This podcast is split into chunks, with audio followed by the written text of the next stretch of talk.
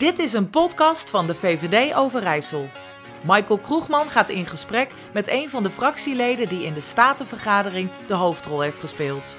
Er wordt ingezoomd op onderwerpen, kritisch gekeken en ook dieper op samenwerkingen ingegaan met andere partijen. Helderheid in het politieke landschap voor u als luisteraar en duidelijkheid in zaken binnen de provincie.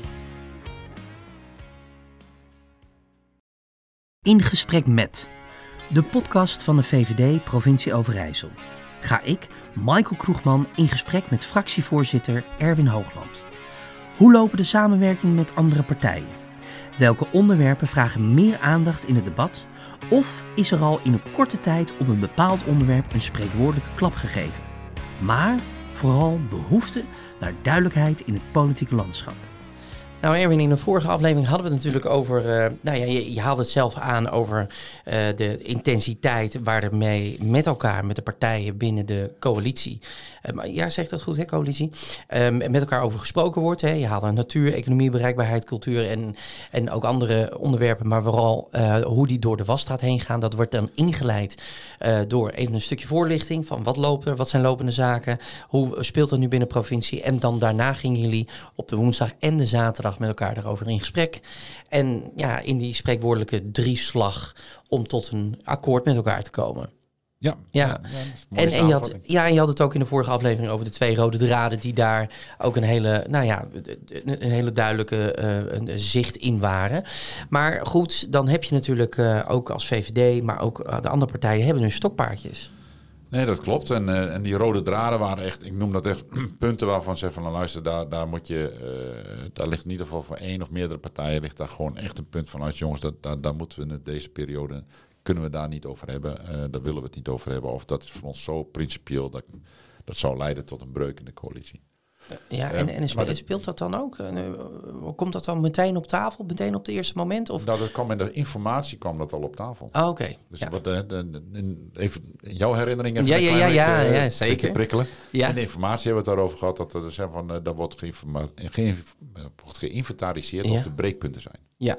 Daar kwamen die twee toen al vrij duidelijk op tafel. En dan hoeft het daar ook niet. En dan de formateur in deze, die, die, die gaat dat allemaal bij elkaar halen. Ja. En die weet dan ook van, nou jongens, uh, deze onderwerpen, daar, daar moeten we het gewoon even voorlopig niet over hebben. Ja. Deze onderwerpen gaan we het wel over hebben en we starten nu. Ja. Dat is eigenlijk een beetje in het kort. Zo kun, zo kun je hem ja. neerleggen. En dan als je ziet wat de stokpaardjes zijn. Nou, wat wij heel belangrijk vonden, er was niet, uh, niet één partij, maar eigenlijk alle partijen die vonden het belangrijk om uh, te kijken van, oké, okay, hoe, hoe ziet die bestuurscultuur, hoe gaan wij nu om met de burger, hoe gaan we nu om met de problematiek in Overijssel? En, en daar hebben we best wel lang bij stilgestaan. Hè? Want uh, kijk, de verkiezingsuitslag zoals die op tafel lag, was natuurlijk heel helder signaal. Er is geen vertrouwen in de politiek. Nee, dat is duidelijk. En als je vertrouwen wil, wil herstellen, moet je niet hetzelfde doen wat je gisteren deed. Ja, precies. Dus we hebben bij dat, hoe gaan we die, dat, dat vertrouwen herstellen? Hoe gaan we dat, gaan we dat organiseren? Ja. En hebben we gezegd van, nou, luister, één, waar we dat gaan organiseren is de bestuurscultuur, noemen ze dat met een heel mooi woord. Ja. Oftewel, hoe ga ik om met jou? Ja. Hoe ga ik om met belangenverenigingen? Hoe ga ik om met problemen of uitdagingen waar de provincie tegenaan uh, komt kijken? En dan zie je dat de, de insteek heel sterk zit van, uh, van beneden af op. Hè? Dus bottom-down, -hmm. of uh, top-down en bottom-up. Ja. En dit is dan, dan meer bottom-up. Waarmee je eigenlijk zegt van oké, luister, wij willen veel meer gebruik maken van de, van de kracht die in Overijssel zit, dan in plaats van vanuit Zwolle, vanuit het provinciehuis, vertellen hoe het zou moeten. Ja. Dan zeg je, ja, dat roepen de politici altijd. Ja, dat willen ze wel luisteren naar de burger, hè? is dan altijd. Uh, ja, dat is standaard. Ja. En, uh, maar je moet het wel inregelen. Je moet ja. het wel uh, laten zien. Sorry. Je moet het wel laten zien van, oké, okay, hoe ga je dat doen? Nou, heel mooi is bijvoorbeeld dat gebiedsgerichte aanpakken, hoe je dat mm -hmm. uh, nu doet in de kader van de, uh, de pro programma Landelijk Gebied. Is dat, dat de inbreng van de experts niet alleen vakinhoudelijke experts zijn, maar ook de mensen die daadwerkelijk daar wonen. Want zij zijn ook ervaringsexperts. Ja. Die twee die willen we bij elkaar gaan brengen. En daar willen we dan ook zeg maar, een belangrijke invloed hebben op de besluitvorming die dan uiteindelijk in de staat gaat plaatsvinden. Wat een behoorlijke klus. Dat is een hele grote klus. Dat. Ik moet ook zeggen, ik ben ook heel benieuwd naar uh, hoe we dat dan ook daadwerkelijk gaan invullen. Ja, hoe ga je dat vormgeven? Dat, uh, ik heb daar een idee bij. Ja, want je kan niet uh, 1,2 miljoen uh, nee, gewoon elke keer in een zaaltje zitten en zeggen van luister, hoe denken jullie over dit, dit probleem? Ja, dat is bijna onbegonnen werk. Nee, dus, dus wat je moet doen is op van de voorkant heel duidelijk aangeven van nou, dit is het doel wat we willen bereiken. Dit zijn zeg maar de, de, de kaders waarbinnen, de randvoorwaarden waarbinnen iets wil bereiken. Bijvoorbeeld van hoeveel geld hebben we ervoor beschikbaar. Uh, uh, dat de wet bijvoorbeeld van, uh, wel van toepassing blijft. Of nou, dat, dat soort dingen allemaal. De tijd waarop je tot een oplossing wil komen. Hè. Dus wil je dat in vijf jaar doen of wil je dat in twee jaar doen. Nou, dat zijn zeg maar de randvoorwaarden en de kaders. En dan, dan wil je eigenlijk het, hoe je dat gaat invullen, dat wil je dan zeg maar neerleggen bij mensen die er daadwerkelijk bij betrokken zijn. Ja, dus de ervaringsdeskundigen in dit verhaal, de experts, de ja. de ja. Dus pak bijvoorbeeld een wat, wat minder uh, gevoelige thema, terwijl die wel ook heel complex is. Dus als je bijvoorbeeld praat over uh, ondernemers uh, in een binnenstad. Ja. Je kan natuurlijk heel makkelijk vanuit de provincie zeggen van luister, we gaan zo gaan we met het binnenstedenbeleid om. Ja. Maar dan weet je dat Deventer anders in elkaar zit dan Zwolle. Dat is duidelijk. En Zwolle anders in elkaar zit dan Hengelo of Enschede of Almelo. Totaal andere cultuur zou je bijna willen zeggen. Ja. Ja. En die dus ook hele andere ideeën erover hebben. Bovendien heb je daar ook gemeenteraden die er ook wat van vinden. Ja. Je hebt ondernemers die daar daadwerkelijk een zaak hebben. Maar je hebt ook burgers die daadwerkelijk wonen in die binnenstad en gebruik maken van die binnenstad.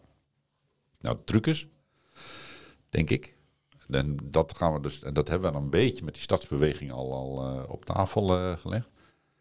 Is dat we zo'n zo stadsmanager hebben die dat allemaal bij elkaar brengt. Ja. Al die verschillende partijen. Dan dan vervolgens zeg maar, het gesprek over aangevlazen. Hoe zouden we dat het beste kunnen organiseren? Hoe kunnen het beste regelen? Zodat de binnenstad van die steden gewoon zeg maar, weer gaan bloeien. En dan moet de provincie moet, zeg maar, de randvoorwaarden daarvoor realiseren. Oftewel het mogelijk gaan maken van oké, het kan. Ja. Wat je verleden vaak zag op heel veel dossiers, dat de provincie zegt, luister, je moet het zo doen. Ja. Dat willen we omdraaien. En, dus maar, veel ja. men, en, en het tweede deel, sorry. Ik, nee, nee, nee, ga door. Het tweede deel is, is dat noem ik, noemen we dan even Norbe. Ja. Norbe is natuurlijk een heel mooie, mooie kreet in het Overijsselse. Dat je ook wat meer oog hebt voor elkaar. Ja. Dus dat betekent ook dat je als overheid ook meer oog hebt moet hebben voor de burger. Wat, wat betekent dat? Hè? Wat is nou de, de, de, de invloed, de, de, het effect wat onze maatregelen hebben op die burger. Wat is het sociaal-maatschappelijk effect? Ja. Nou, dat, dat gaat wat prominenter krijgen. Maar ook wat is bijvoorbeeld het dus gezond, volksgezondheidseffect wat het heeft. En bijvoorbeeld als je praat over een windmolen. Wat voor effect heeft dat nou op de directe omgeving? Ja, dan wil ik even met jou terug, hè? want ik hoor een paar dingen. Ik hoor dat de provincie veel dichter bij de burger wil komen te staan. Ja. Dat hoor ik eigenlijk terug uh, door een, een, een stadmanager en, en, nou ja, om te kijken van en gezien de voorwaarden natuurlijk vanuit de provincie dat samen te brengen. Het klinkt ook bij mij een beetje als gaan we het poldermodel niet weer uitbreiden? Ja, dat, dat nou, zou daar je... moest je even over nadenken. Ja, hè? die moest ik. Die ja, moest ja, ja, even, ja. ja. Je had me even. Ik denk van. Ben ik, moet ik er nu even positief of negatief ja, dat mag je zelf weten. Nee, maar Michael, even, even, gewoon even. Kijk, op zich heb ik niks tegen polderen. Mm -hmm. Het polderen heeft wel één groot voordeel, is dat iedereen die erbij betrokken is, dus ook deelgenoot wordt van de oplossing die je uiteindelijk kiest. Ja, dat ben ik helemaal met je eens. Dat is het voordeel van polderen. Het nadeel van polderen is dat je in oneindige, oeverloze discussies terechtkomt en dat er geen besluit ja. wordt genomen en dat ook besluit maar een lafhartig besluit is. Ja. Nou, om daar de balans in te vinden, dat is nou precies waar wij als bestuurders hè, mm -hmm. van, van de provincie, um, ja, dan moeten we dus ook echt hele keuze maken. Dus ik denk dat op, op, op, op een aantal dossiers uh, zul je dus gewoon heel bewust moeten zeggen van oké okay, luister, we hebben nu iedereen gehoord, we gaan gewoon linksaf. Ja. Punt. En ja, dan weet je dat, dat er een deel van die mensen on, ontevreden zal zijn. Maar dat is ook denk ik de, de, de morele moed die je moet hebben als bestuurder van een, uh, en dat geldt zowel voor de provinciale staten als voor gedeputeerde staten. Dat ze de morele moed moeten hebben om op enig moment een beslissing te maken en dan moet je die beslissing nemen. Ik heb te vaak gezien in het verleden dat we vandaag beslissing aannemen, dan ontstaat er veel weerstand. Ja, dan gaan we maar A-accent doen. Dat is hem dan ook niet helemaal. Weet je wat, dan gaan we B doen. Ja. En waar B is dan weer de, club die voor A was, die is er weer tegen. Dan krijgen we weer weerstand. En zo blijven we. Als, als je dat onder polderen verstaat, mm -hmm. dan ben ik er tegen. En dan, zou je, dan, dan heb je het mechanisme niet goed ingericht. Dan heb je dan, dan maak je niet echt gebruik van de kennis en kwaliteiten die er bij de burger zijn. Nou, ik denk vooral dat je uh, helder moet zijn in de verwachting aan de voorkant. Um, op het moment dat je, dat je een gevoelig onderwerp hebt en waarvan je al weet, dit speelt zo in de samenleving. Dit kan wel eens een, en noem ik het even heel kritisch gezien, een eindeloze discussie worden. Waarbij het inderdaad, waar we net over hadden, het poldermodel, enorm wordt opgetuigd. En dat kan maanden tot misschien wel jaren duren. En dat je daar juist zegt van, oké, uh, dit weten van tevoren. Beste mensen, we gaan niemand tevreden stellen. Maar we gaan wel op x datum een beslissing nemen. Dus weet dit wel van tevoren. Dus we willen wel de ruimte geven om er goed met elkaar over in gesprek te gaan. Maar let wel, we moeten door. Dus dat betekent wel dat we op x-datum een beslissing nemen. Dat kan best zijn wat jij net zei. Groep A, jullie zullen misschien tevreden zijn, groep B niet of andersom. Dat maakt niet uit, maar weet wel dat het kan gaan gebeuren. Ja. In mijn optiek bereid je dan de burger of de, de, de belangbehartigers, wie dan ook, heel goed voor. En ik denk zelfs, als je daar veel meer op insteekt, dat je daar echt wel een win-win situatie uit kan halen. Want dat gebeurt op dit moment voor mij in mijn optiek te weinig. Nee, maar daar heb je absoluut een punt. En dat is ook een van de dingen die wij uh, uh, ook in de onderhandelingen nu mee hebben genomen. We hebben heel veel ingezonden brieven gekregen van allerlei mensen die iets van ergens wat van vinden. Ja. Die hebben we allemaal meegenomen in onze afweging. Uh, en als het goed is, hebben al die mensen die ook die brief gestuurd hebben, al ook sowieso een, dankbriefje gekregen dat ze het ingestuurd hebben. Oké. Okay. Maar we hebben het ook echt daadwerkelijk. Dus bij elk onderwerp waar ik het net over had, mm -hmm. hebben we ook een, uh, een, zeg maar, een soort inventarisatielijst met, met de brieven erbij van, over dat onderwerp. Dat is ja. netjes voorbereid door de ambtenaren. En ze van nou, we hebben de, nou, bijvoorbeeld over landbouw hebben we de volgende 25 uh, ingezonden brieven hebben we erbij gekregen. En die hebben we gewoon allemaal gelezen. Die nemen we ook mee in onze, onze afweging. Uh, wat je het liefst zou willen is natuurlijk dat je met die burgers nog veel meer onder de tafel zit als een ja. coalitieakkoord. Maar dat, dat werkt gewoon niet in dat nee. korte tijdsbestek. Maar wel straks in de uitvoering de komende vier jaar zal de gedeputeerde landbouw zal dus echt met de voeten in de klei moeten gaan staan. Om juist dat wat jij zegt van oké okay, luister, dit, dit, dit, dit is het doel wat we voor ogen hebben. Uh, we kunnen er lang of en kort over praten, maar dan wil ik in ieder geval een beslissing nemen. En ik neem jullie uh, input neem ik serieus. En dat kun je alleen maar doen door een aantal dingen. Je moet transparant zijn over het proces. Zeker. Terwijl je moet helder zijn, zoals jij dat net ook al aangegeven, over wat zijn de doelen die je wil bereiken. En drie, je moet ook mensen het vertrouwen geven dat ook dat echt uh, wat zij ook zeggen, ook daadwerkelijk mee wordt genomen in de afweging. En weer teruggeven van waarom je het wel of niet hebt gedaan. Ja. Want dat laatste, daar zijn we ook als politici niet zo heel erg goed in. Want dan zeggen we ook van ja, we hebben uw mening meegenomen, maar we geven niet aan waarom we iets wel of niet hebben. Uh, ja. waarom iets wel of niet hebben meegenomen. En dat komt natuurlijk ook wel een beetje door de gekleurde kanten die, die ja, en dat is wel de kritische noot richting de media natuurlijk, want ja, de, de media die wil natuurlijk ook zoveel mogelijk lezers tot zich krijgen en die weten ook heel goed van, hey, onze lezers willen dit horen, dus gaan we dit ook doen. En dan merk je ook heel vaak, en dat merk je heden ten dagen heel sterk in binnen de maatschappij, is uh, er wordt iets getorpedeerd, noem ik het maar, of, of een bommetje losgelaten. En vervolgens gaan alle kijkers daar naartoe. Terwijl ik me ook wel eens afvraag, als je goed leest, en dat, is heel, en dat is best lastig hoor, tussen de regels door. Dan weet je ook gewoon van, ja, maar er is een andere beslissing. Dit, dat ze tot deze beslissing zijn gekomen, heeft te maken met dit en dit argument. Maar vaak wordt dat uit een bericht weggelaten. Waardoor burgers ook gewoon heel snel het gevoel hebben van, ik word niet gehoord, ik word niet serieus genomen. Ja. Ik, ik sta op de barricade, ik heb een brief naar meerdere part politieke partijen gestuurd. Ik krijg wel een leuk bedankje. En voor de rest zie ik gewoon dat er helemaal niks mee gebeurt. Nee, maar de kritiek is denk ik terecht. Uh, zowel... Uh, op de media als richting de politiek. Want ook wij kunnen daar natuurlijk een, een, een stap in maken door gewoon, ja. zeg van, luister, door gewoon uit te leggen van oké, dit is er aan de hand. En uh, ik begrijp ook wel, we hebben een waan van de dag waar we alweer met de volgende uitdaging Tuurlijk, bezig zijn. Snap ik ook. Meer.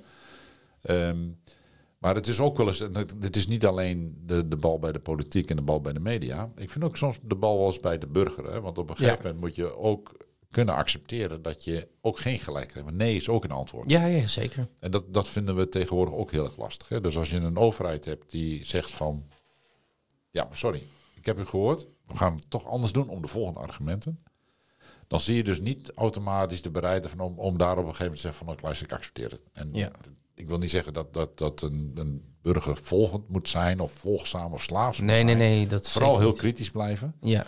Maar op enig moment, als er dan beslissingen genomen zijn waarom je het doet, en ze zijn ook goed onderbouwd en ze zijn ook helder gecommuniceerd, dan moet dat goed zijn. En dat wordt nu de uitdaging, toch even naar het coalitie. Ja, ja, ja, zeker. Dat gaat het natuurlijk uh, vandaag. Tuurlijk, ja. Is dat, dat uh, wat we nu gaan doen, is dat als het coalitieakkoord klaar is, Dan gaan we dat ook gewoon uh, natuurlijk presenteren.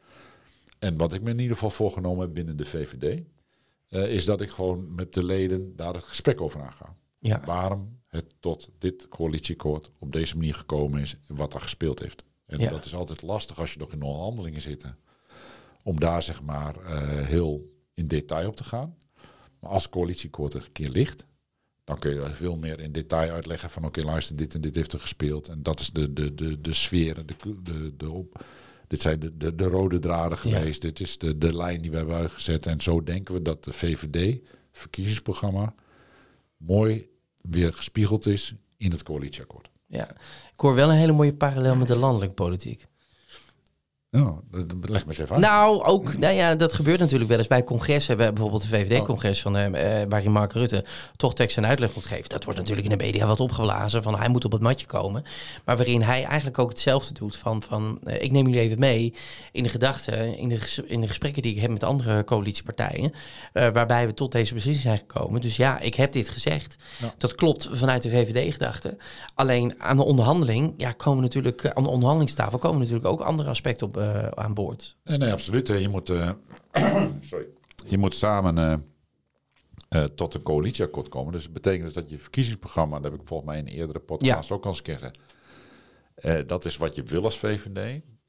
Dan het coalitieprogramma is van oké, hoe ga je samen met de andere partijen uiteindelijk ook dat voor vooruit doen wat nodig is. En je zorgt ervoor dat zoveel mogelijk van jouw verkiezingsprogramma in dat coalitieprogramma. Ja, daar, daar, daar, strijd je min of meer ook voor. En als je in de lijn van, oké, okay, uh, transparant zijn en duidelijk zijn naar, uh, naar, naar de mensen toe. Dat betekent dus dat je ook, vind ik, moreel verplicht bent om als het coalitieprogramma er ligt, ook aan je leden uit te leggen. En dat kan in een grote ALV zijn, dat kan in kleinere sessies zijn, dat kan zelfs in één op één gesprekken zijn van, oké, luister, zo is het coalitieakkoord, dit is de reden die erachter zit dit is waarom we daar eigenlijk een handtekening neer hebben gezet. Want wij denken dat we op deze manier het gros van het VVD-verkiezingsprogramma kunnen realiseren. En in die fase, dat is dus het afronden van het coalitieprogramma, daar zitten we nu. Mhm. En die fase die dan hierna komt, is de uitleg naar de leden toe van oké, luister, daarom hebben we het op deze manier allemaal vormgegeven. Ja, mooi. En dat is, dat, dat is een beetje het proces van, van, van de coalitievorming. En dan komt er het sluitstuk en dan is eigenlijk het laatste wat je dan ziet is dan zeg maar de formele presentatie, de formele uh, goedkeuring van de Provinciale Staten. Want die moet uiteindelijk het goedkeuren. Maar ja, de mensen die eraan geschreven hebben, hebben al een meerderheid in de Staten. Dus de kans dat zo'n coalitieprogramma het haalt, is erg groot. Ja. Wat je natuurlijk wilt, is dat ook dat er zoveel mogelijk oppositiepartijen ook het coalitieprogramma, zeg maar, nou ja, mee instemmen. Omarmen of ja. Nou, omarmen. Ja. En parallel daaraan gaat het natuurlijk om de uh, kandidaten gedeputeerden die dan op dat moment ook geïnstalleerd worden om zeg maar als dagelijks bestuur ja. het coalitieprogramma uit te voeren. Nou, mooi gezegd. En zo hebben we in twee afleveringen te horen gekregen, Erwin, hoe, uh, Erwin, hoe dat gaat, dat hele formatieproces. Ja. Nou, in de volgende aflevering gaan we het hebben over uh, de toolbox van de politicus. Lijkt me een mooi verhaal. Nou, tot de volgende aflevering weer. Oké. Deze podcast wordt mede mogelijk gemaakt door de VVD Provincie Overijssel en Studio 751. Dit was een podcast van de VVD Overijssel, geproduceerd door Studio 751.